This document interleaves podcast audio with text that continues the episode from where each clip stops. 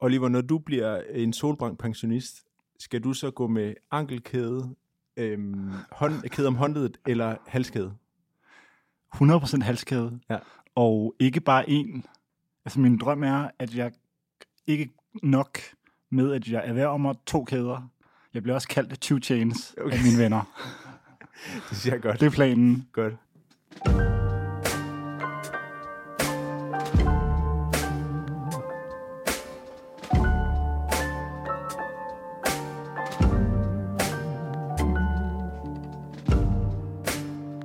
I lytter til øh, arbejdstitel live fra Content Bunkeren. Mit navn er Oliver Inde. Med mig som altid har jeg min ven Christoffer. Og i dag har vi en gæst, Rasmus Bak. Hej med jer. Tak fordi jeg måtte øh, komme. Jamen, vores fornøjelse. Christoffer, øhm, måske kan du først og fremmest fortælle lidt om, hvornår møder du Rasmus for første gang? Jeg kan ikke huske det præcise tidspunkt, men jeg ved, at det er, da jeg arbejder på Euroman. Mm. Øh, så det har været... Hvornår startede I Libertine? Fordi jeg kan jo starte med at sige, at Rasmus er medindehaver mm. og chef for Libertine Libertine. Og I har været in business i Siden 8-9 2000 år? Ja, nej, siden 2009. Og 9, okay. Ja, altså vi startede der i, som så mange andre, i lejligheden på Nørrebro, Ja. for vores vedkommende, lige midt i finanskrisen. Ja. Men jeg har det sådan lidt, altså vi startede i 9, der blev vi registreret, men jeg følte ikke rigtigt, at vi blev en rigtig virksomhed før i 12. Klart. Så på Klart. en måde har du lidt ret. Så det har været i sådan noget 11-12, jeg har mødt dig første gang. Jeg tror måske, det var ude i jeres, øh, på jeres kontor på, hvad hedder den gade øh, på Vesterbro, lige for ved Dybelsbro. Øh? Skelbækgade, ja, Ja, præcis. Mm. Øh, hvor I, en ting var, at I havde et kontor, som var fedt, og et showroom. En anden ting var, at I havde en bar med i jeres lejeaftale. Ja, det var genialt. Vi havde Genialt. vores egen bodega, okay. I havde samme bodega. som vi havde lyst, hvilket vi også gjorde, må jeg sige. Mm. Øhm, men der skete alligevel det, vi tænkte, det er, sådan, det er det bedste asset, vi nogensinde kan få. Ja. Og så gik tiden alligevel, og så blev det sgu sådan lidt, man skal ikke pisse, hvor man sover. Øh, man skal ikke drikke så meget på sin arbejdsplads i øhm, det lærte vi lidt af bitter erfaring mm. inden for ret kort tid. Var det sådan et sted, I havde kunder med ude? Ikke særlig tit. Nej. Okay. Der var mange, der synes, det var fedt og eksotisk og alt det der, men jeg må sgu indrømme, det træk ikke rigtig Nej. i mig Nej. for at sidde og... Man vil hellere ud, du ved, ikke? Ja. Og dagens program handler jo om pauser. Og det gør den jo blandt andet, fordi vi alle sammen har været nødsaget til at øh, tage en pause i denne her tid. Men vi vil egentlig også godt, godt fokusere på alle de ting, man rent faktisk kan bruge det til, som ikke bare bliver øhm, måder at få tiden til at gå, mens vi venter på noget andet. Øhm, og det her program er jo på mange måder dedikeret til øh, de ting, som vi godt kan lide at bruge vores fritid på. Øhm, så Rasmus, jeg kunne godt tænke mig bare lige at starte med at høre dig. Hvad er i, inden for den seneste måned det bedste, du har spist, det bedste, du har lyttet til, og det bedste, du har set? Det bedste, jeg har spist inden for den sidste måned, det er nok øhm, en uanet mængde af frisk fisk mm. ude på øh, Odden, hvor vi har et sommerhus. Øh, sletvar, ørred, masse rejer, masse østers. Øh, vejret har været fantastisk, mm. så øh, sommeren kom lige pludselig dumt ind for højre. Øh, og det tænkte vi lidt, man skulle gøre brug af. Så øh, fisk er det generelle svar, vil jeg sige. Øhm, og hvad drikker man så til fisk? En masse hvidvin, Mm. øh, maso, nogle jura og en masse rosé. Ikke så meget rød. Det var først, da vi ligesom blev bombarderet med noget mordorisk regnvejr her i sidste uge, hvor man egentlig også fandt ud af, hvor sindssygt privilegeret øh, mm. man har været i forhold til, til sådan lidt mere, det mere komfortable mm. i, øh, i den her tid. Ikke? Og det flotteste, jeg har set, jeg må sgu nok sige, det er de fine solnedgange, mm. som, øh, som fulgte i kølvandet på, på det gode vejr. Det tror jeg sgu. Jeg synes faktisk, det var ret let at få lidt for god headspace ind Mm. her de sidste, de sidste uger her, selvom øh, at det er helt klart også fordret af, at vejret var så flot. Mm. Og det, det er svært ikke at grave en eller anden positivitet frem, mm. og en eller anden optimisme, trods alt. Ikke? Og det bedste, du har lyttet til, har du været sådan i, i bagkataloget og genopfundet noget musik, du ikke øh, plejede at lytte til, eller har du lyttet til lydbøger, eller har du Nej, fået det- chance for at opfinde noget, eller op, øh, hvad hedder sådan, finde noget ny musik? Hvad har kørt? Jonathan Wilson Mm. er dykket dybt ned i, og øh, rigtig, rigtig meget jazz. Mm. både det ballade og øh, også det mere afdæmpede belevens mm. og de her ting. Der har bestemt også været nogle gode øh, Coltrane-trips mm. undervejs, vil jeg sige. Hvilken jazzplade er, hvis man, skal, hvis man skal ind på jazz, hvad er den første jazzplade, man skal købe og lytte til? Miles Davis. Kind of Blue? Ja, ja. det vil jeg sige. Det er entry level. Ja, så er der noget Chet Baker og Det kommer sgu lidt an på ens mood, for der er så meget, der er simpelthen så forskellige dynamikker i, i øh, ja, faktisk de ret få kunstnere, jeg egentlig kender indgående. Men jeg synes også, det er så fedt, fordi jazz er ikke så, det er ikke så titelbestemt i virkeligheden. Mm. Det er mere moods, man sætter på, så man stoler på, holder en hel plade igennem. Jeg ja. kan aldrig drømme om at sætte et nummer på med en, med en kunstner. Det skal altid være et album. Ja. Øhm, og den der fragmentering der, den, den har gået mig på længe, for jeg har ikke den tålmodighed med, med du ved, moderne musik, eller hvad man skal sige. Så jeg synes, det er vildt fedt, at man ligesom kan, kan falde ind i en, i en stemning, uden du skal lytte til sådan... Du kan ikke altid afkode øh, sangens struktur og mm. komposition. Mm. Jeg tror, at til det spørgsmål, mm. der vil jeg sige, at Chet Baker Sings-pladen mm. er bare sådan en plade, som alle vil kunne lide. Altså, den tror jeg faktisk, både du og din bror har anbefalet mange gange. Kan det ikke passe? det kan sagtens ja. passe. Øhm, men den er totalt fed, fordi at den er øh, blød og bekvem, yes. men den har masser af integritet, og der er også, øh, den processerer alt muligt ballade, som man godt kan bruge. Yes. Øhm, for eksempel, når man drikker noget vin. Og, og så tror jeg også, at jeg er ret sikker på, at den her historie passer. Ellers må vi øh, klare det i, øh, i redigeringen. Men han er jo trompetist, mm. og øh, når man hører musikken, tænker man, at det er en meget blød mand, man har med at gøre. Hvilket man helt sikkert også har.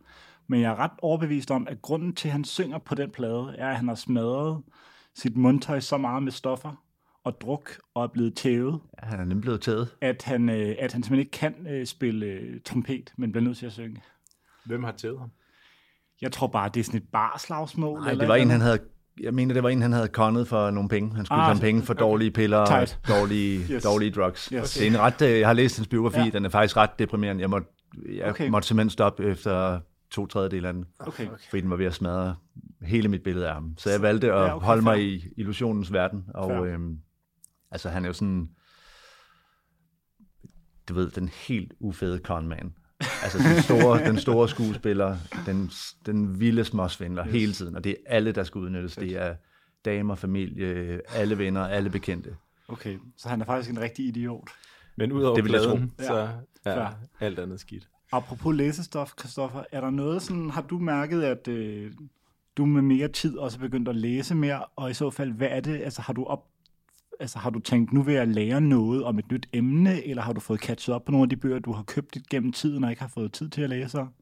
Altså, jeg har faktisk en, øh, jeg har konstateret, at jeg har læst flere af de artikler, som jeg normalt finder på nettet, og sådan har åbent i nogle tabs, og tænker, mm. dem skal jeg lige have læst, og så mm. står de i sådan en åben tab i tre dage, og så sletter jeg den der mm. tab, eller lukker den. Dem får jeg læst til ende, fordi jeg rent faktisk tvinger mig selv til det, og jeg har tiden til mm. det. Øhm, jeg har fået læst en bog, der hedder Stillness is the Key af Ryan Holiday, mm. som jeg synes er ret fed, øh, som handler om ligesom at finde lidt mere ro øh, mm. i det hele. Den er ret fed, og har egentlig besluttet mig for, at nu er et rigtig godt tidspunkt at begynde ligesom at få fat i den der læsning igen, som mm. har været meget fragmenteret tidligere. Øhm, så ja, det, det synes jeg helt bestemt, jeg har. Men podcast fylder stadigvæk rigtig meget for mig, når jeg mm. øh, laver ting, som ikke øh, er øh, at sidde, sidde, sidde, foran en skærm. Mm. Øhm, nu føler jeg, at der er en helt sådan verden af litteratur, som vi ikke behøver at kaste os over. Men jeg kunne ret og godt tænke mig at høre, det gælder jeg begge to. Øh, hvad er den bedste ting, eller et par gode ting, I har læst på nettet inden for den seneste måneds tid, som I måske ikke normalt ville få tid til i en ellers travl hverdag, men nu fordi man bare sidder ved sin computer og ikke behøver at skrive mails eller aflevere pitches, eller hvad man ellers bruger størstedelen af sin tid på. Hvad er så noget, man ligesom har fået tid til, til at altså, læse? Det første, som jeg lige kommer til at tænke på, det er, at der er et ret fedt interview i The New Yorker med Fran Lebowitz, mm. som øh, journalisten ringer til, eller skribenten ringer til. Bare have sådan en samtale med sådan lidt en hyggesnak. Altså, mm. Altså det, det er evident, at de kender hinanden på forhånd. Og Fran Lebowitz for det første, det handler om karantænen selvfølgelig, mm. Og hader det der med, at, at hun er indespærret, og, øh, og de taler om det der med, at hun er notorisk kendt for at være arbejdssky, altså hun gider ikke arbejde, hun mm. gider ikke lave noget, øh, og det der med, hvordan hun, hun er skide bange for at blive smittet og sådan noget, mm. men de taler også om alt muligt andet, det er sådan en ja. meget fedt portræt, som egentlig tager ud, hvad hedder det, udspring i, øh, i den her epidemi, men som handler om alt andet end, end det også. Mm. Øh, det synes jeg er ret godt. Så i faktisk i samme publikation er der et interview med Margrethe Vestager, øh, mm. i de her dage, som er rigtig fedt også. Altså også bare fordi, jeg synes, hun er, det er ret vildt, hvad hun har øh, oppebåret af renommé i Europa og i verden i forhold til at være en, en tech-mastodont, øh, øh, som har magt og agt til at udskrive bøder til giganterne. Det synes jeg var ret fedt. Det er lige de to ting, mm. der sådan, jeg har læst de sidste par dage, som jeg synes er fede. Ja, jeg må melde lidt pas på den. Ja. Jeg har holdt mig rimelig meget fra internettet. Ja, okay. øhm, fordi at den her tid for os, nu har vi, jeg har en virksomhed, og mm. der er mildestalt også øh, sket forandringer i den de sidste mm. øh, seks uger. Øhm, ikke alt sammen til det dårlige, men øhm, jeg havde det med det samme. Altså man siger, kendskærningen gik op for en ret hurtigt, mm. at øh, okay, det her det er seriøst. Mm. Og øh, så de første uger blev ligesom brugt på simpelthen at trække arbejdstøjet og få åbnet den skjorte og få vist, at man har noget hår på brystet mm. i forhold til både de store beslutninger og de meget ubehagelige beslutninger, der skulle træffes. Mm. Og ja, men i kølvandet på det, der havde det med det samme sådan, at det her, det handler ikke om at opretholde et hamsterhjul og holde sig totalt orienteret og læse i dybden på analyser. Det, det, det, det, ligger så, mm. det lå så fjernt fra mig, det gør det sådan set lidt stadigvæk. Jeg kan lige komme tilbage til. Øhm, men jeg blev nødt til med det samme at få simpelthen få tænkt nogle lidt større mm. tanker. Mm. Og komme op i nogle nye baner, end, øh, end hvad man normalt ligesom har kapacitet til mm. på en normal hverdag. Øhm, og så simpelthen få til endebragt det fucking hamsterhjul med det samme. Altså det skulle bare dø. Og der øh, vil jeg sige, der er internettet lidt ind at være en, det er en medspiller nogle mm. gange på, på hamsterhjulet, ikke? for man skal ligesom holde sig, du holder dig i loop, du, du bliver eksponeret for så, mange, så meget information og så mange øh, vinkler på alting, og jeg havde lyst til præcis det modsatte. Mm. At skære alt. Altså, selvom det er kvalitet, så er det stadigvæk støj på en eller anden måde. Du lader dig påvirke af en, en strøm af meninger og, og perspektiver. Ikke? Mm. Øhm, ja, så jeg, jeg, har, jeg er faktisk lidt overrasket over, hvor, øh, hvor lidt jeg har fået læst generelt. Mm. Jeg har heller ikke, du ved, jeg har også taget en ton af de biografier, jeg ikke havde, jeg ikke kommet igennem nu. De røg med i sommerhuset, mm. nu skulle men jeg, jeg har ikke fundet afsættet til det. Mm. Okay. Jeg kan få lyst til det. Det er, en mm. anden, det er en anden, det er en anden inspiration, der kører lige nu. Mm. Klart. Fordi den er der. Altså, det, det er jo ret trippet også, alt det her. Selvom mm. at det er også brutalt, øhm, så er det også pisse inspirerende. Mm. Og øhm, hvis man tør at tænke det lidt sådan til ende, hvad er det så for et billede, man ligesom står i? Og øh, er det The Summer of Love, vi skal have? Er det, er det vores 68, vi skal til at opleve forhåbentlig inden, mm. inden for et års tid? Jeg håber det. Mm. Så anyway, det er bare for at sige, jeg, havde, man, jeg har meget mere lyst til, de, til at fylde mit hoved med de abstrakte ting, mm. og øh, når ikke det ligesom handler om noget forretningsmæssigt, man skal tage hånd om helt yes. konkret. Yes. Oliver, det handler jo om pauser i dag, øhm, og en ting er de pauser, som man beslutter sig for at tage, både dem, der sker i løbet af en dag, men også i løbet af øh, et arbejdsliv eller et helt liv. Øhm, men hvad for nogle uventede pauser øh, har du størst glæde af? Altså, hvad jeg bruger dem til? Eller jeg, tænker hvordan, på, øh... jeg tænker mere på sådan, altså, øhm, uventet pause. Det kan både være noget, der kommer udefra, altså og påvirker dig, men det kan mm. også være noget, hvor du ligesom finder ud af, det havde du ikke regnet med, vil være en stor, øh, skabe større headspace for dig. Mm. Altså, jeg tror, øh, jeg er jeg er skabt til at have rutiner. Mm. Så ideen om, øh, om uvildige pauser mm. gør mig sådan borderline nervøs. øhm, og det vil sige, at øh, der er et meget godt interview med Jerry Seinfeld i New York Times i går, hvor han nemlig taler om det der med, fordi han er meget kendt for at have en masse ritualer og være meget specifik omkring, hvordan han kan lide sine ting. Men det med, jeg har ikke OCD, jeg kan bare godt lide rutiner, fordi de ligesom fjerner øh, igen sådan støjen. Mm. Og jeg tror, jeg er lidt på samme måde, at ideen om, at øh, altså, den her tid har været god for mig på den måde, at det er rigtigt nok, jeg har ikke kunne kontrollere sådan verden omkring os, og øh, hvad det betyder, og hvor lang tid det kommer til at vare, og alle de her ting, som øh, meget mere kyndige folk end os skal forholde sig til. Øh, men jeg har kunnet styre, hvordan jeg selv agerer i det, og i det har jeg egentlig fundet sådan relativt meget kontrol med, hvordan jeg har begyndt at planlægge min dag. Mm. Øhm, så jeg tror egentlig, det der med at, øh, at overgive sig til det, øh, og den slags pauser, altså optimalt vil jeg hellere selv mm. gå på ferie, mm. eller... Det er jo en kæmpe tvungen øh, pause der. Ja, ja. og det, vil, det tror jeg næsten alle ville foretrække. Mm.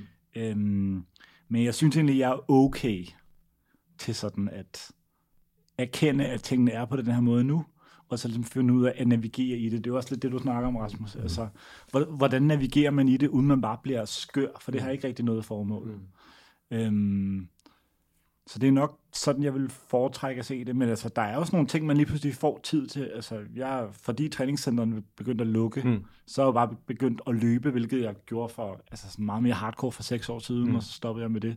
Så det, det tror jeg, I, I kan tale relativt meget med om, hvordan man ligesom øh, kan få headspace den vej igennem. Og så nemlig det der med at læse bøger. Altså, jeg kan rigtig godt lide sådan noget meget cookie litteratur, så alt, hvad der handler om New York og stoffer og øh, scamming og Anna Wintour kan jeg godt lide. Øhm, så du, jeg har ligesom fået tid til at læse nogle bøger, som jeg ellers aldrig har haft tid til at læse. Øhm, og så egentlig det der med at øh, læse. Der er et stort interview. Altså, jeg er blevet meget glad for både New Yorker og Vanity Fair, sikkert også nogle andre publikationer, har sådan en øh, læs højt mm, ting ja. på deres hjemmeside. Ja. Og blandt andet så er der et stort portræt af Fiona Apple i The New Yorker, som vidderligt varer sådan noget 50 minutter at få læst op. Altså, det er lang læsetid, hvis man ikke sidder med publikationen i hånden og bare sidder på en skærm. På den gamle 13-skala, hvad er hendes nye album så?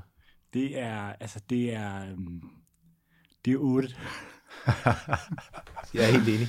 Det lyder lidt som om, at nogle karakterer fra den serie, der hedder High Maintenance på HBO, er samlet for at lave en, organ, en, øh, en vegansk middag, og undervejs, eller bagefter, sådan halv, halvhøje på Naturvin, er de begyndt bare at spille musik i stuen på gryderne. På gryderne. Men alligevel får den 8.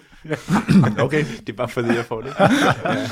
Om det er fordi, det mest interessante i verden er jo den store succes eller den store fiasko. Mm. Alt midt imellem er lidt ligegyldigt. Mm. Og jeg synes faktisk lidt, det her det er bare lidt af en ligegyldig plade. Okay. Historien om hende er langt vildere. Mm. Altså hendes track record med Louis C.K., og Jonathan Ames, som skrev Bored to Death, og øh, Paul Thomas Anderson. Og, og hendes sådan vanvittige fortællinger om at være cooked up mm. i, i Quentin Tarantinos private biograf, mm. sammen med nemlig Paul Thomas Anderson, hvor hun sagde, jeg skal aldrig røre kokain. Det var der, hun fordi, sagde, hun aldrig skulle uh, yes, gøre det igen. Ikke? Fordi efter at høre de to sådan sidde nørdefilm høje på kokain, så selvsmagende, der tænkte hun bare, never. I'm done. I'm done.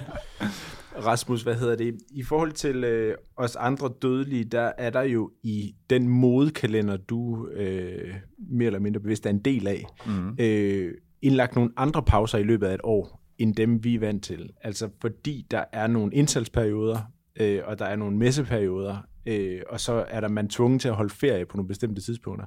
Kan du lige løbe os igennem et år på, hvornår du normalt holder pauser? Hold da kæft, mand. Jamen, det Altså i virkeligheden er maj faktisk øh, sådan den mest rolige, øh, tilforladelige måned. Ja, ja, det er det.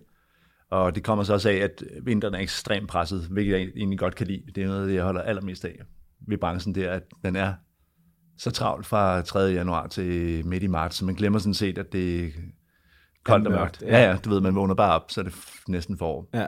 Øhm, og der er spænding på lige til det sidste altid. Mm. Ikke? Så det er sådan set meget fedt.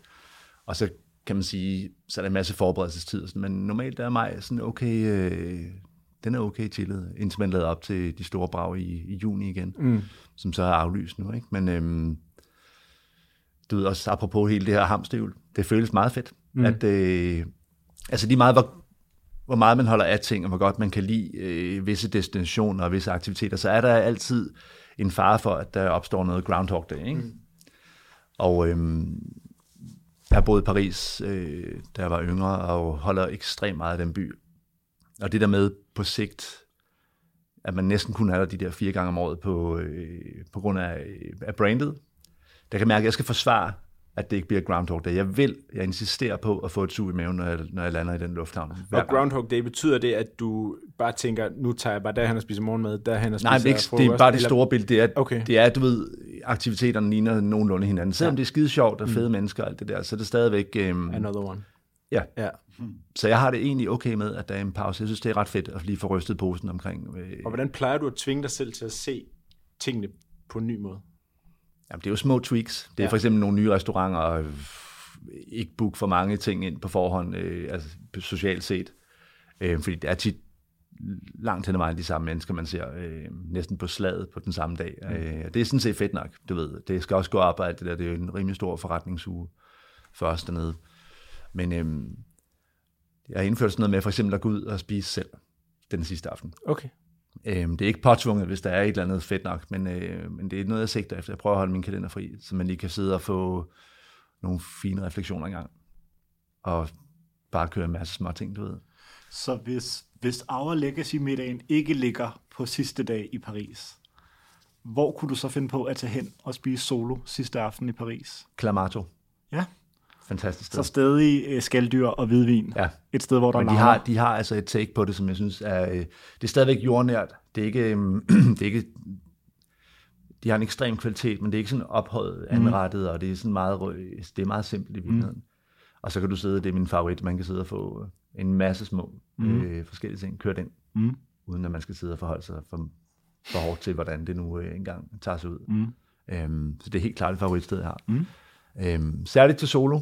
Yes. De har en god spisebar, så man kommer altid i snak med tit nogle amerikanere, og sådan, mm. og det er totalt fedt. Og det her gælder egentlig jer begge to, men hvis man skal se på, vi har lidt været omkring det, det der med, at når situationen ændrer sig, så er der nogle ting, man selv bliver nødt til at ændre.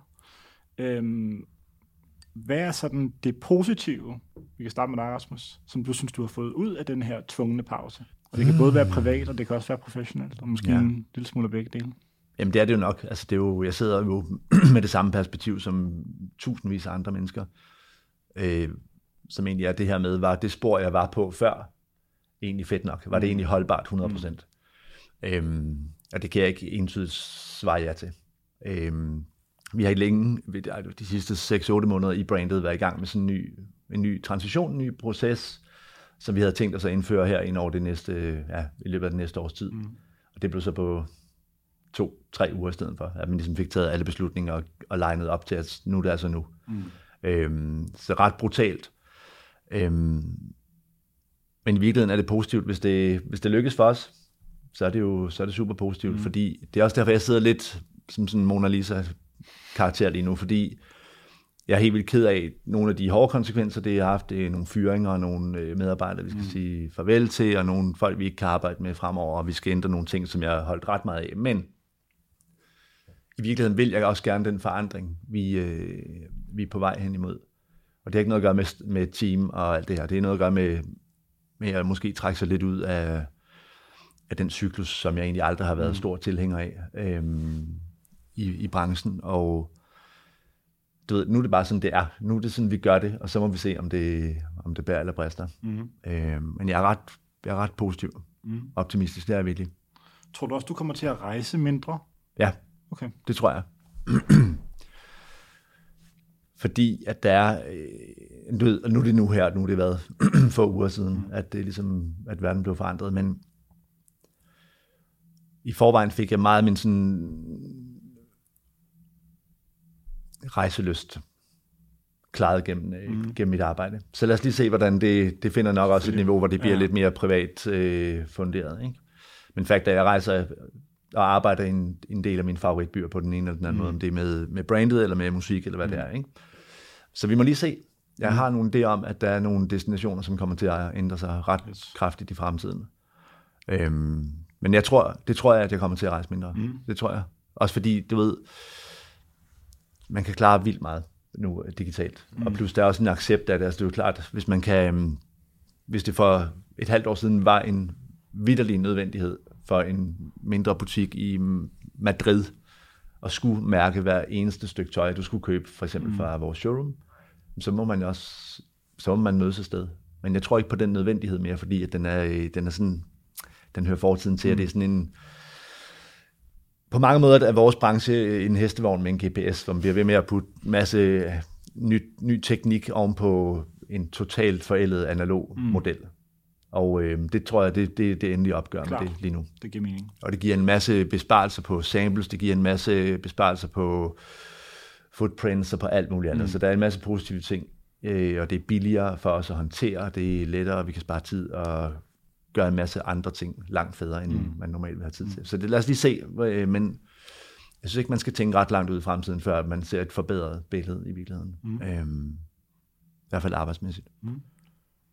Privat har det været sådan et, et, som jeg var inde på tidligere, det her med, at vi, vi har været så privilegeret med vejret. Ikke? Så det har ligesom sat det hele i et andet lys. Øhm, jeg tror, der var mange, der havde der ville hænge slipset ude i carporten, hvis det var, det havde bulleret ned, som det gjorde i, i torsdags mm. og fredags, øh, i 6-7 uger. Mm.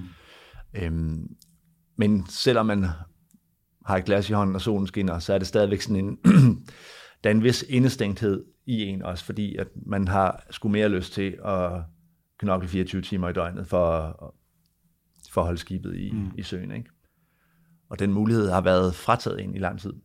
Altså det er jo den totale afbrydelse, man også har oplevet på mange mm. måder. Så du tænker, at du kan sørge for, at du, at du er kalibreret mentalt til det, der kommer, og til det, du så skal i gang med, lige så snart chancen byder sig. Men jeg fandt ikke nogen sådan afslappende effekt i, i alt det her, det, med, det må jeg skulle sige. Mm. Heller ikke det omvendte, det, har været, det, det er mærkeligt, det, det er virkelig et ben i hver lejr, mm. Som jeg prøvede sådan lidt, okay, hvad, hvad fanden gør man? Min løsning var lidt at starte dagen med ligesom at klare alt på et par timer, mere var det jo ligesom, mm. og så fint nok, så man skulle hoppe på trampolin med min søn, eller mm. lave det bål, fordi det kan man så, ikke? Men, mm. men det der med hele tiden at, at lade det køre, det synes jeg ikke, der er noget som helst øh, kvalitet i. i klart, klart.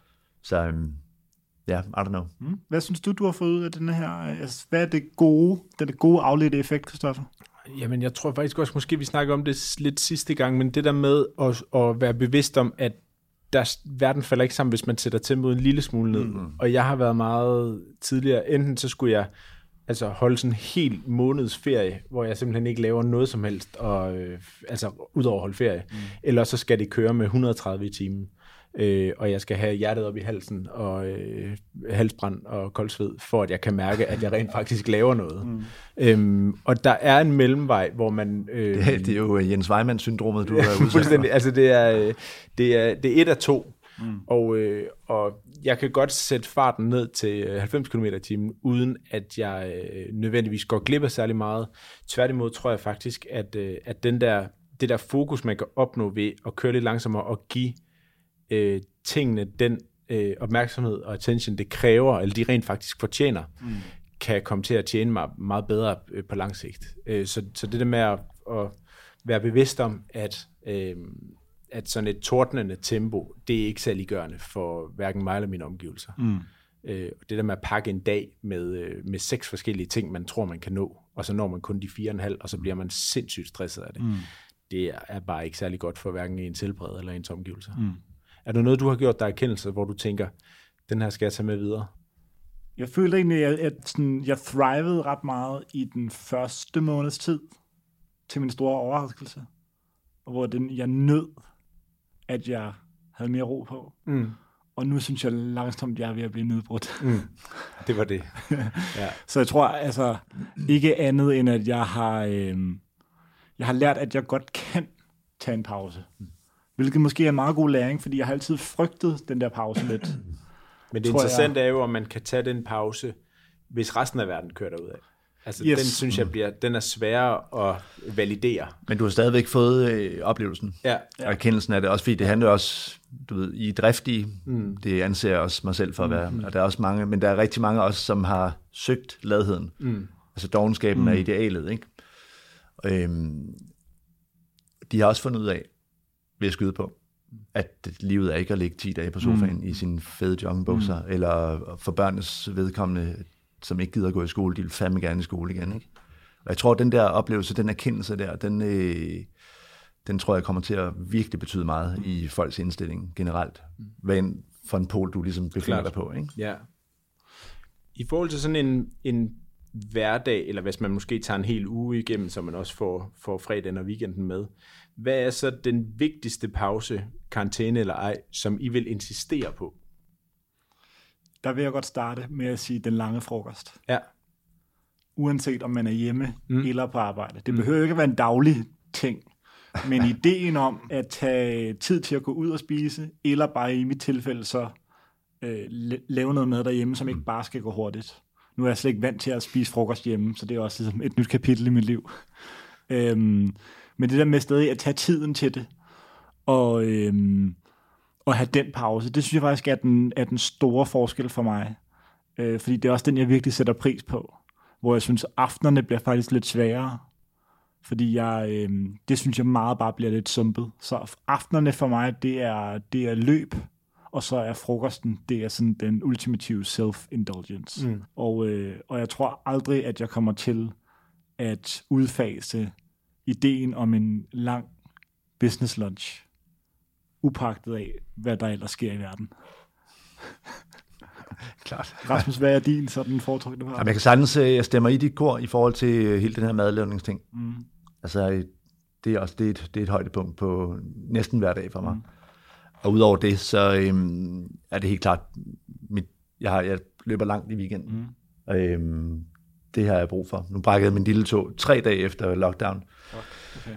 Og med det, den fart, man har på cigaretterne og, og vinen, jeg kan godt mærke, at okay, det er også en nødvendighed, selvom at jeg holder meget af den. Mm. Så gudskelov, det vil jeg være, vil jeg være tilbage på sporet igen. Men øh, de der par timer ude med øh, fysisk aktivitet mm. øh, og noget pres på, det, det, øh, det er ekstremt vigtigt.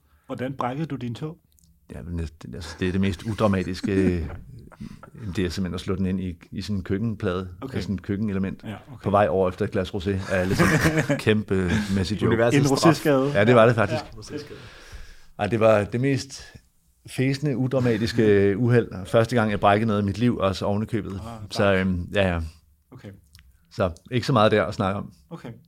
Jeg kunne godt lige tænke mig at, at nå at spørge om, Rasmus, øhm, musikken ud over tøjet spiller jo også en stor rolle i dit liv. Du er jo en udgivet kunstner, kan man sige. Ah, ja, kan man sige det? Ja, det ved jeg jo. Du er med i en duo, ja. som hedder Death Has No Dominion. Ja. Og I har lavet noget fantastisk musik. Tak. Er musikken øh, en pause for dig, eller er det et, en beskæftigelse eller et arbejde på linje med dit rigtige arbejde. Nej, det er på ingen måde et arbejde. Nej. Det er et sted, hvor man kan parkere alle de her øh, abstraktioner og få åbnet op for nogle totalt anderledes øh, tankespor. Øhm, vi har også altid, fordi det er et sideprojekt øh, mellem Bjarke og jeg, så, har vi også, så kan vi tillade os at holde det 100% rent. Mm. Så det er ikke influeret af noget som helst. Øh, der er ikke nogen kan man sige, altså det er ikke fordi, vi ikke vil noget med det, men der er ikke, nogen, der er ikke noget kommersielt pres på det, og øh, hvis vi laver nummer på 10 minutter, så er det det, vi gør, og i virkeligheden handler det også om at få, få brugt de der timer, som er mega trippet, når du starter noget op. Hvis der er et udkast, man kommer ind med klokken 10 om morgenen og går ud med noget stort set færdigt klokken 5 om morgenen. Altså at have så mange timer koncentreret bare koncentreret ned på én ting, som ikke har nogen økonomisk værdi, mm. eller praktisk værdi, eller noget som helst andet end det er kun skabelsen mm. og den stemning, der, der ligesom bliver påført i, øh, i den proces der. Det er det eneste formål. Og kan man tage det, der sker i den proces, med ud og bruge andre steder? Jamen, øh, Jamen, det kan en lytter forhåbentlig. Mm. God. Ja. Mm. Altså, lytteren kan forhåbentlig godt dissekere det arbejde, der ligger bag. Øh, at der ikke er noget kalkuleret i det. Der er ikke nogen, der er ikke de samme strukturer på numrene, som man normalt vil høre typisk. Og øh, orkestreringen er anderledes, og idéerne er anderledes. Og det er ikke fordi, det ikke skal være tilgængeligt. Mm. Øhm, men det bilder mig ind, at man godt kan som lytter, hvis man overhovedet til. Det er jo totalt smalt, ikke? altså mm. det vi laver. Men, men det kommer fra et helt rent sted. Og det, det har vi altid øh, sat højt på, jeg står pris på. Fedt. Nu stiller jeg et spørgsmål, som jeg tror, jeg godt kender svaret på. Okay. Lytter du til din egen musik, mens du løber? Jamen, jeg lytter aldrig til musik, når jeg løber. Okay, du er Ald- ren send. Ja, aldrig. Men det, øh, ellers vil jeg heller ikke, fordi det er alt for mellow til, til, til løb oven okay. købet. Men jeg lytter aldrig, altså jeg hører aldrig musik. Og heller ikke øh, podcast Nej, eller ingenting. radio eller sådan Nej. noget? Okay. Det, det er der flere grunde til. Et er, at jeg vil ikke have noget teknik med mig ud over mit øh, løbeur. Mm. Øhm, og fordi jeg, jeg lærer, eller jeg oplevede ret hurtigt, jeg har aldrig været en stor idrætsmand, det, det er noget, det, det, her, jamen, det her løb er bare kommet lige så stille, og så pludselig kommer man op og får nogle distancer på, hvor at man hvor løbet pludselig får sådan, i stedet for det er noget, der skal overstås, så det er noget, man, man halser og har dårlig luft og alt det der, mm. synes, det er hårdt. Så kommer man lige pludselig op på et niveau, hvor at, at det får sådan nogle meditative kvaliteter. Mm. Og plus, at jeg oplevede ret hurtigt også det der med, at underbevidstheden begynder sådan at bygge bro mellem nogle tankespor, så du søger det ikke engang, mm. når du løber. Jeg løber ikke ud med en agenda, aldrig. Okay. Men så pludselig oplever man det der med, at der er nogle løsninger, nogle svar, der begynder at, at blive bygget på dig og, mm. og viser sig for en, selvom du overhovedet ikke søger tankerne. Mm. Altså, du søger slet ikke de her, øh, de her svar. Og jeg bilder mig ind, at det er det, hvis du er en hvis du er rigtig dygtig til at meditere, så tror jeg, at det er nogenlunde de samme ting, du kan opnå mm. gennem det. Yes. Noget indsigt. Og øh, det har jeg simpelthen været fascineret af lige siden det startede, siden jeg oplevede det første gang for mm. en, ja, det ved jeg sgu ikke, halvandet år siden. Mm. Jeg synes, det er så vildt, og det får jeg stadigvæk. Men jeg skal op, nu skal der nogle kilometer til, før man kommer mm. derhen efterhånden. Ikke? Nu er du jo et, øh, et tøjmenneske. Hvad er du iført, når du løber? Hvilke brands? Final Gravity. Og det, det kender jeg slet ikke. Øh, jamen, det er jo et projekt, som Michael har gang i, okay. sammen med Farm Regional. Som Så laver de har noget, lavet deres eget tøj? Ja, løbetøj. Okay. Som er ret fedt, synes jeg. Og øh, ellers er det typisk noget Nike, tror jeg. Okay. okay. Jeg har ikke nogen, det skal bare være lidt, det skal være lidt easy. Okay. Flere sæt? Eller et sæt? Nej, men jeg kan godt lide, jeg har, jeg, et af mine store forbilleder er Torben Ulrik. Mm. Og jeg kan godt lide det der med, at det må ikke blive... Øhm, det må godt være lidt scumbag, lidt, yes. lidt bumset, yes. når, man, når man knaller rundt der. Ikke? Ja. Jeg kan ikke sådan komme op på, på hele den der gear-snak Nej. hele tiden. Jeg synes, der er noget, der er fedt, og noget, der ja. er aldeles ufedt, men det må godt være sådan lidt... Jeg er lidt random omkring det, yes. kan man skulle sige. Der er jo nogle gange, hvor man ser folk løbe, især i disse tider, hvor man tænker, altså løber de for sport, eller er de for sent til en aftale? Hvis tøjet er så, så afslappende. Så tjekker man skoene og siger, de er ude løbe. Hvis det er sådan bare et par sweatpants og et par Stan Smiths, og en Patagonia fleece, så er det ja, lidt sådan, ja. det er jo både et lidt tight look, men det er også der, hvor man tænker, det er ikke et løbelook. Og så føler jeg alligevel, der er nogen, der tænker, nu skal jeg simpelthen løbe, for jeg er nødt til at få tiden til at gå med noget. Og så er de lige der i krydsfeltet, mellem, øh, at de har egentlig tøj til at gå ned og købe brød, men er egentlig på en løbetur. Kan være, at de laver begge det jo. Goals. Løber tilbage. Ja. Jeg synes, vi skal gå til overvurderet og undervurderet. Stærkt. Og øh, mens jeg henter de ting, som jeg har taget med mm. i dag, så kunne vi jo lige høre øh, 20 sekunder af Rasmus' musik. Yes. Rasmus, hvis vi skal spille 20 sekunder af det musik, hvilket, øh, hvilken sang skal vi spille? Jesus. Um, det skal nok være Coming Like a Hurricane. Det er den, jeg har bedst øh, de største minder fra. Let's go.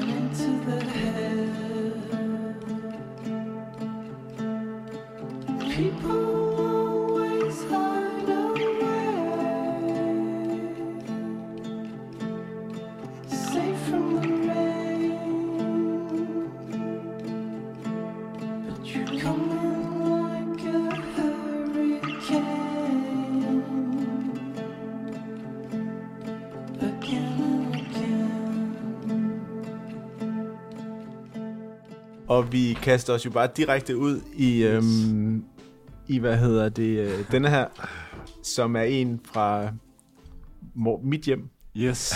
En yogamåtte. Det er en yogamåtte. og jeg vil gerne høre, at jeg er yoga overvurderet eller undervurderet? Vil du starte, Rasmus? Øhm, jeg står meget splittet. Mm. Jeg står meget neutralt. Mm. For jeg tror godt, jeg kan sætte mig ind i øh, de kvaliteter, som yoga har mm. at byde på. For mit eget vedkommende, er, jeg har slet ikke temperament til det. På ingen måde. Øhm, jeg kan heller ikke lide det i forhold til den her, de der store holdsats, der er. Øhm, jeg kan sagtens se, hvis du kan dit lort, og kan måske udføre det selv, mm. så tror jeg, så har jeg et helt andet blik på det, end hvis du sidder nede i, ved ikke om man kan det, kan man det i et træningscenter? Kan man gå til yoga der? Ja, jeg tror, der er mange sådan dedikerede yoga-centre, okay. eller hvad det hedder. Cool. Ja. Det korresponderer slet ikke i min verden. altså, så jeg, jeg ved sgu ikke, hvad jeg skal sige. Jeg er, jeg er neutral. Mm. Ja, nej. Kommer an på formen. Jeg er, jeg er lidt med Rasmus på den her. Jeg bliver nødt til at sige, altså du siger, det er overvurderet. Hvis mm. du skal vælge, så siger du, det er overvurderet. Det lyder meget som et overvurderet. Det lyder som et overvurderet, men vi skal have det fra dig. Jeg synes, du skal komme med dit resonemang, Oliver, så kan øh, okay, Rasmus så, tænke så over kan det, du give din verdict Ja. til sidst. Jeg bliver influenced nu. Ja. Øh, yoga er jo selvfølgelig mange ting, så jeg vil sige, at alt, der er dyrt og elitært, kan jeg godt lide. Så det sekund, det sker i et dyrt yogastudie, øh, omringet af rige mennesker, øhm, i Brentwood eksempelvis, for bare at nævne et område, hvor jeg forestiller mig, hvor jeg forestiller mig, fordi den store Goop-butik ligger der, så vil Gwyneth Paltrow også dyrke yoga der, så synes jeg, det er tight. Men yoga er også blevet så mainstream nu, at det er også blevet sådan et, øh, det er blevet et symbol på det der, der er sådan lidt øh, advanced basic-agtigt, som også er at øh, følge Tavi Jevinson på Instagram og gå i Outdoor Voices. Og den sådan Urban Outfitters tilgang til tilværelsen uh. er ikke noget, som jeg øh, resonerer med. Og derfor vil jeg sige, den der idé om sådan at have en yogamåtte med øhm, bag på en Reigns øh, rygsæk, det er simpelthen ikke et sted, der rammer mig. Og derfor bliver jeg nødt til at sige, at ja, der er en lille elitær gruppe øh, af yoga, altså sådan, hvor det bliver retreat, hvor det bliver eksklusivt, hvor det bliver sjovt. Men sådan hele den der grundpiller, som er, at man ligger i sin stue og ser øh, yoga with Adrian, eller går i et lokalt center, som ikke er sådan særlig interessant. Den masse er overvurderet. Og derfor bliver jeg nødt til at sige, at sådan overall må jeg nok sige, at yoga er overvurderet. Hold da kæft, det var noget af en svater.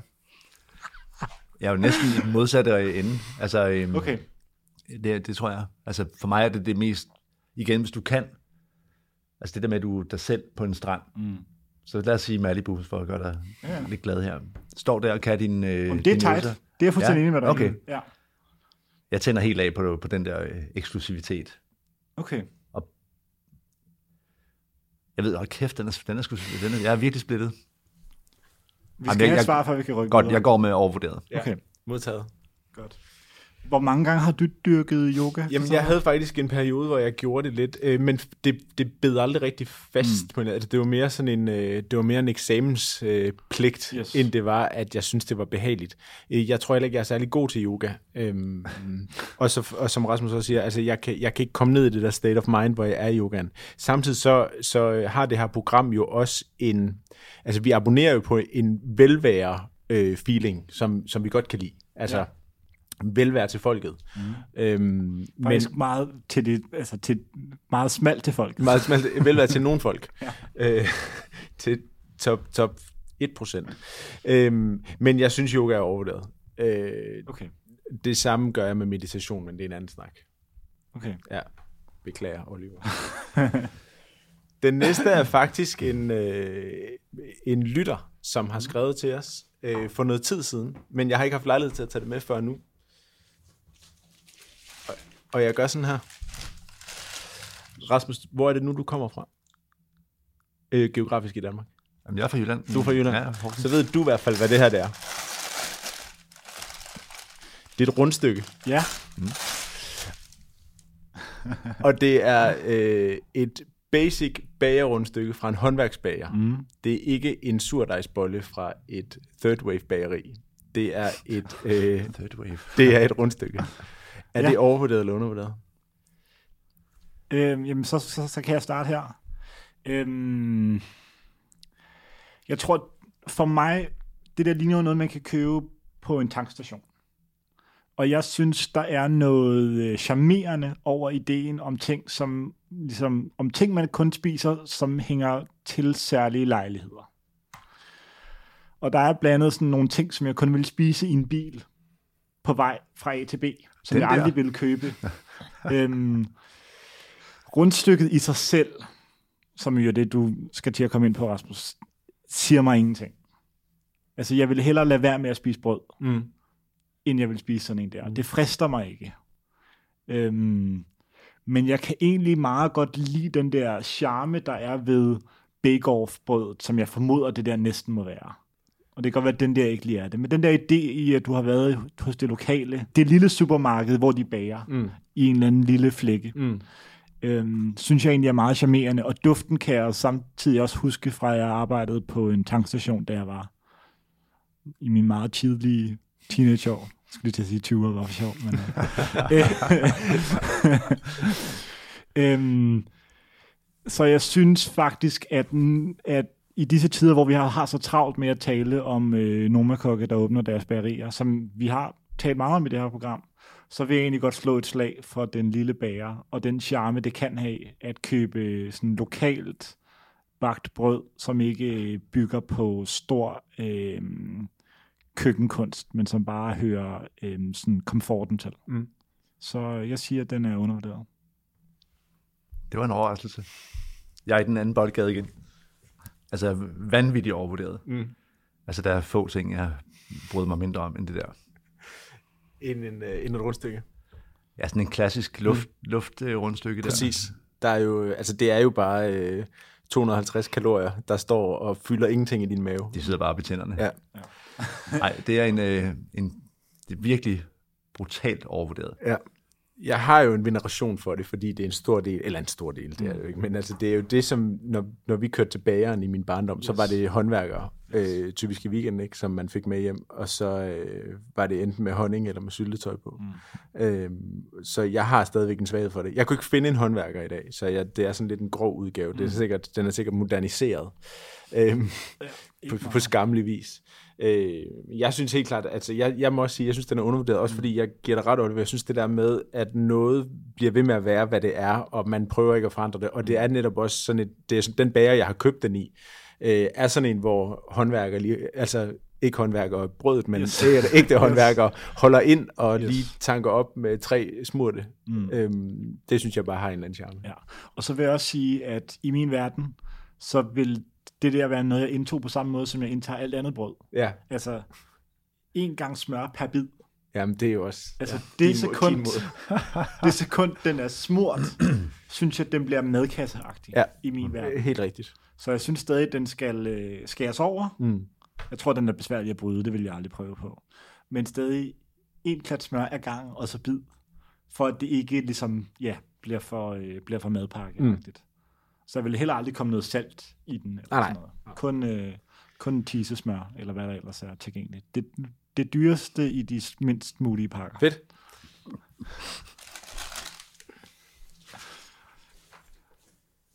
Den næste ting er den kortærmede skjorte. Ej. Okay, der skal vi have tøjmanden på, på banen her først. Tøjeksperten. Tøjekspert.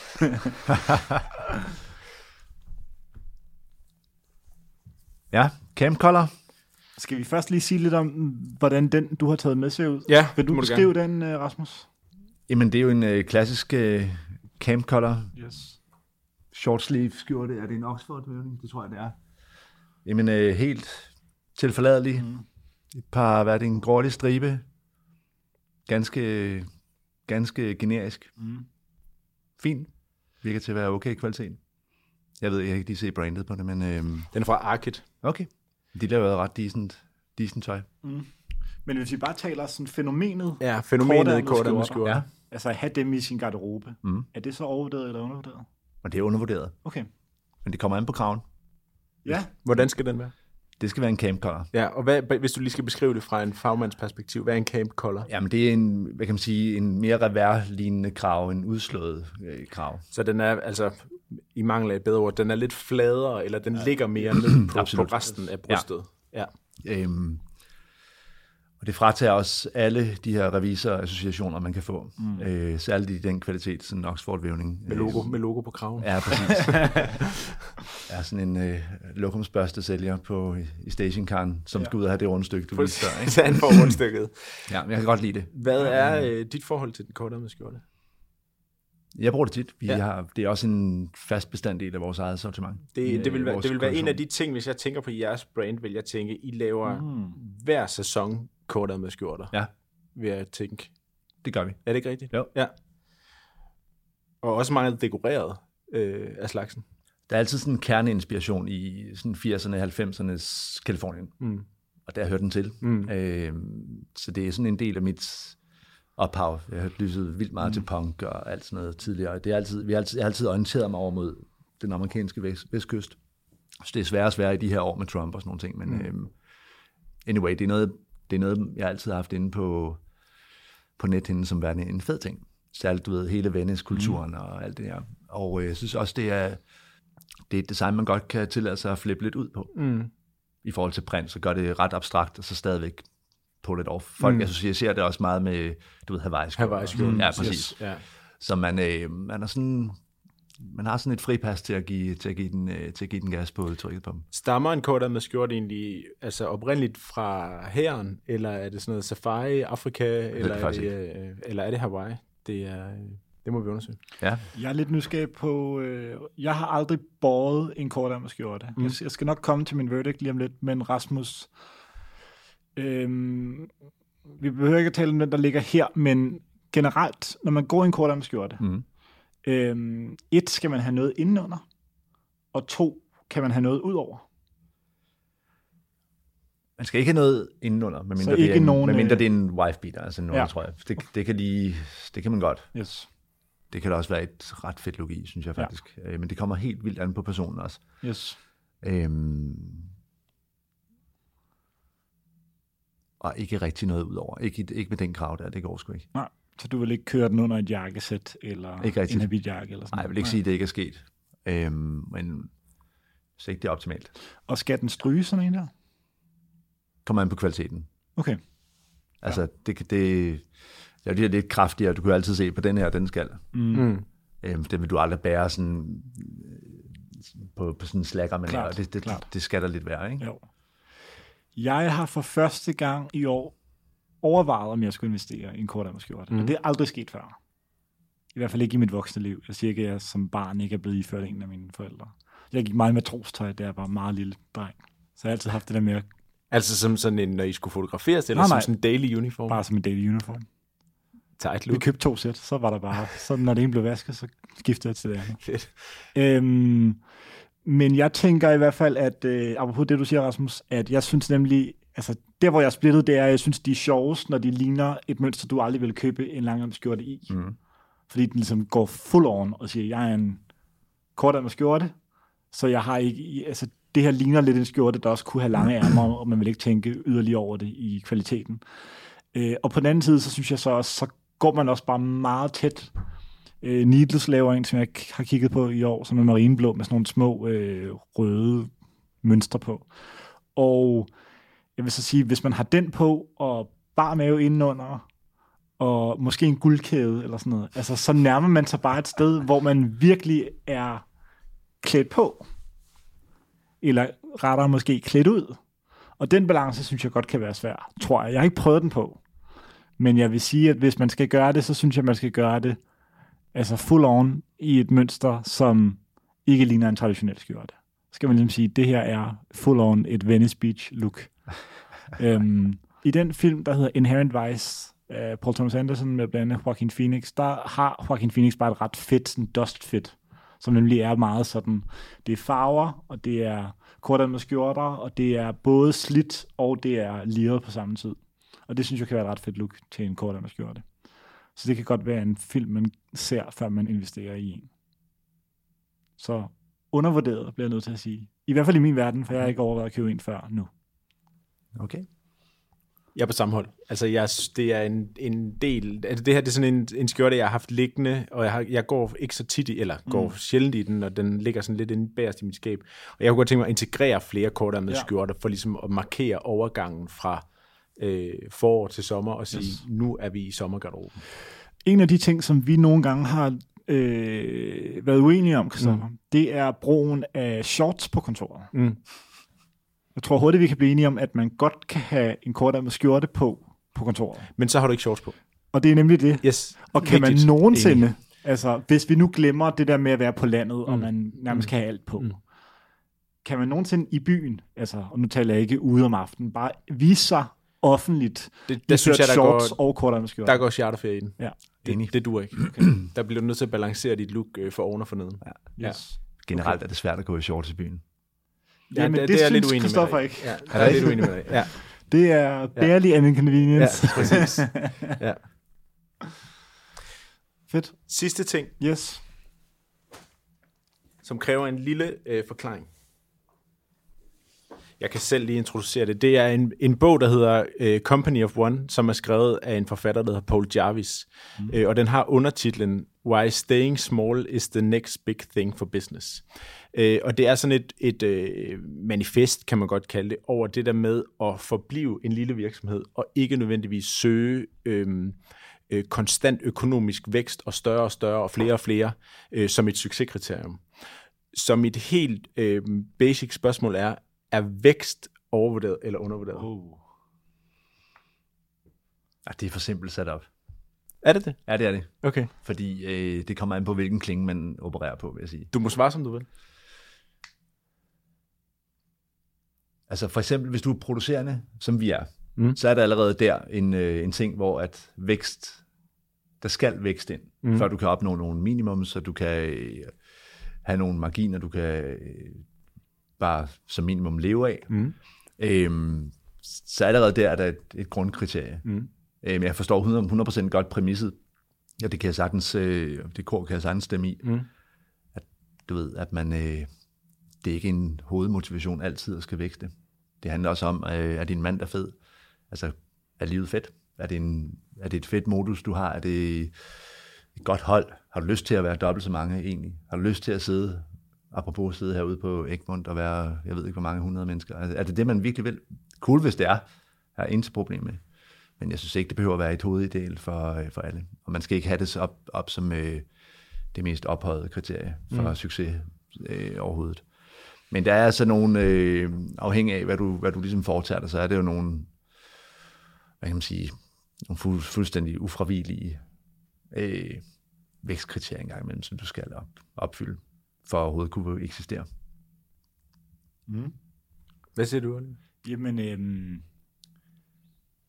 jeg forstår mig ikke på økonomi. øhm, Udover at jeg godt kan lide at bruge penge. Men jeg vil sige, i mit liv har jeg aldrig øh, ligesom tænkt på ekspansion eller målsætning som noget, jeg byggede ud fra økonomi. Udover at have råd til at leve nogenlunde, som jeg gerne ville. Men ideen har aldrig været at bygge noget, der var meget større end mig selv nødvendigvis. Øhm, så jeg tror ikke, det er... Altså i min verden må det være undervurderet. Øhm, jeg tror, øh, alle kan jo være fascineret af at bygge noget og sådan noget, så det er jo...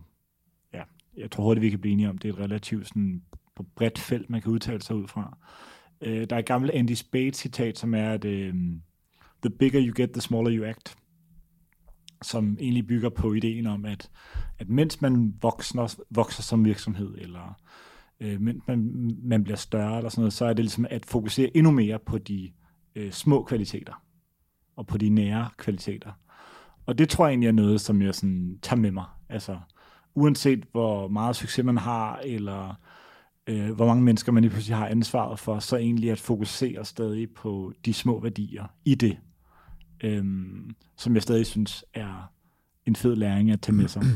og det der med at tænke småt, selvom man er stor, fordi ting kan blive, så nemt blive upersonlige, og øhm, kan blive nemt sådan et samlebånd, man producerer på, når man tænker stort. Og der synes jeg, det der med at have øh, de små ting for øje, som ikke er i kontrast til vækst, men som måske rettere er en, øh, er en antidote til kun at fokusere på væksten.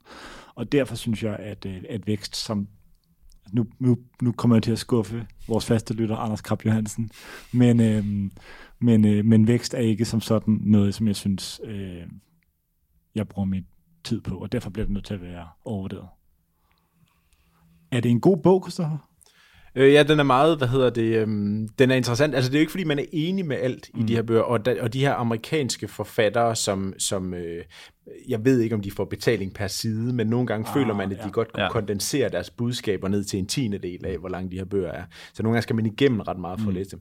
Jeg synes, filosofien om, at man, øh, som du også siger, det der med... Øh, at, at opføre sig, som om man er lille, og ligesom have den der handcraft-feel til, øh, altså bare det med at en gang imellem måske sende et takkekort. Altså, jeg synes, et godt eksempel på, nu hvor vi også har snakket lidt om tøj i dag, det er jo sådan noget med Mr. Porter, som jo er ud af en kæmpe stor virksomhed. Mm. De har de her håndskrevne kort, hvis man mm. bestiller noget derfra. Altså den der sådan, man, man føler, at det er en person, yes. der har siddet. Jeg ved godt, det er en håndtegnet font eller skrifttype, de har. Øhm, men det der med at være øh, filosofien om, at yes. man er en lille øh, enhed, er ret tiltalende, ja. synes jeg. Ja.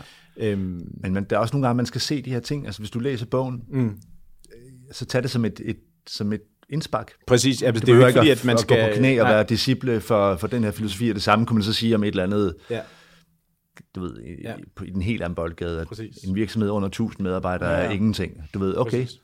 point taken, mm. du synes, det måske er der noget læring her og der. Altså, altså, det kan godt lide det der sammenstykkethed. Men jeg synes, det der med, altså jeg tror, jeg tror også, man er nødt til at definere, du er lidt inde på det også, Rasmus, det der med, hvis, hvis det er jo en negativ definition. Hvis der ikke er vækst, så er der jo afvikling. Mm. Og det er jo et problem i sig selv, hvis man, mm. hvis man bliver ved med at levere dårligere og dårligere resultater.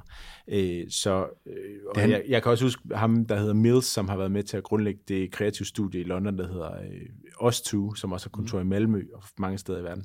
Øh, han siger jo også øh, i et af de manifester, han har skrevet, it's not an art project, it's a, it's a business. Mm, altså, yes. vi skal tjene penge for, at vi kan have det sjovt også. Ja. Øh, Men det er en totalt ja. god pointe, fordi ja. man bliver nødt til at bryde det ned i nogle forskellige, ja. hvad kan man sige, plateauer. Ja.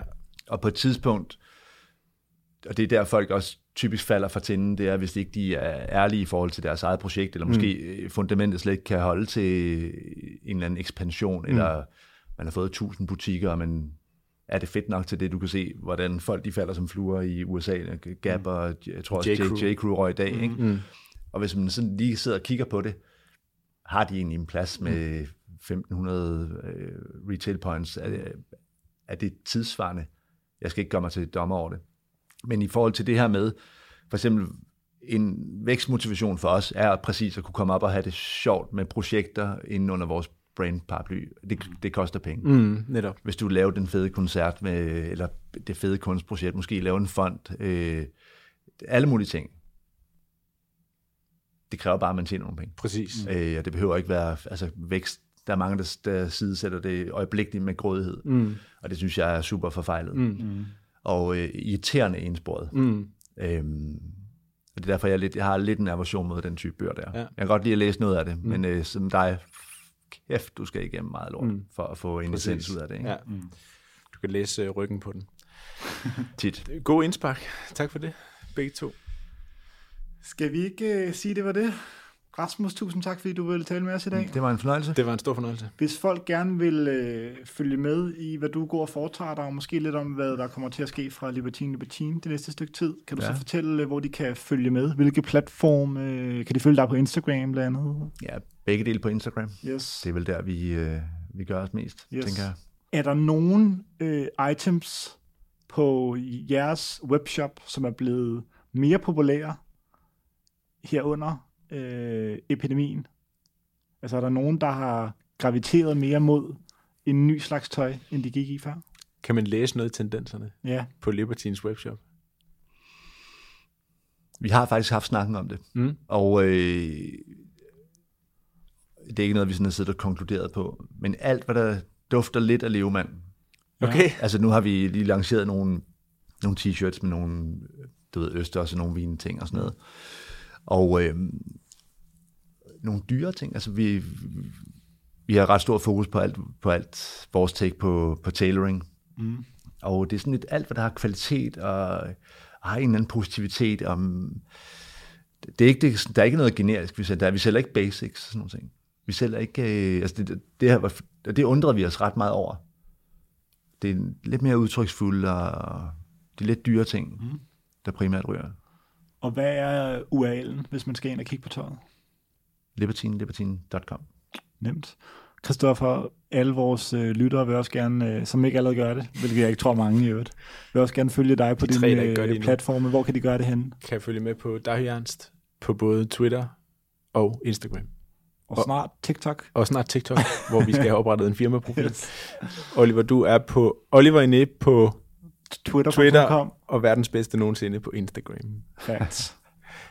tak til uh, Mie og tak til Nina for tak. at styre teknikken og markedsføringen, Ja, hele vores AB-team. Et Texter Village. IT-afdeling. Yes. Tak til Asger og Peder for musikken, yes og facts. også til øh, Rasmus og Bjarke for det lille musikalske indspark, vi havde undervejs. Facts. Og tak til Euroman, og tak til alle lytterne. Vi øh, høres videre om 14 dage. Yes.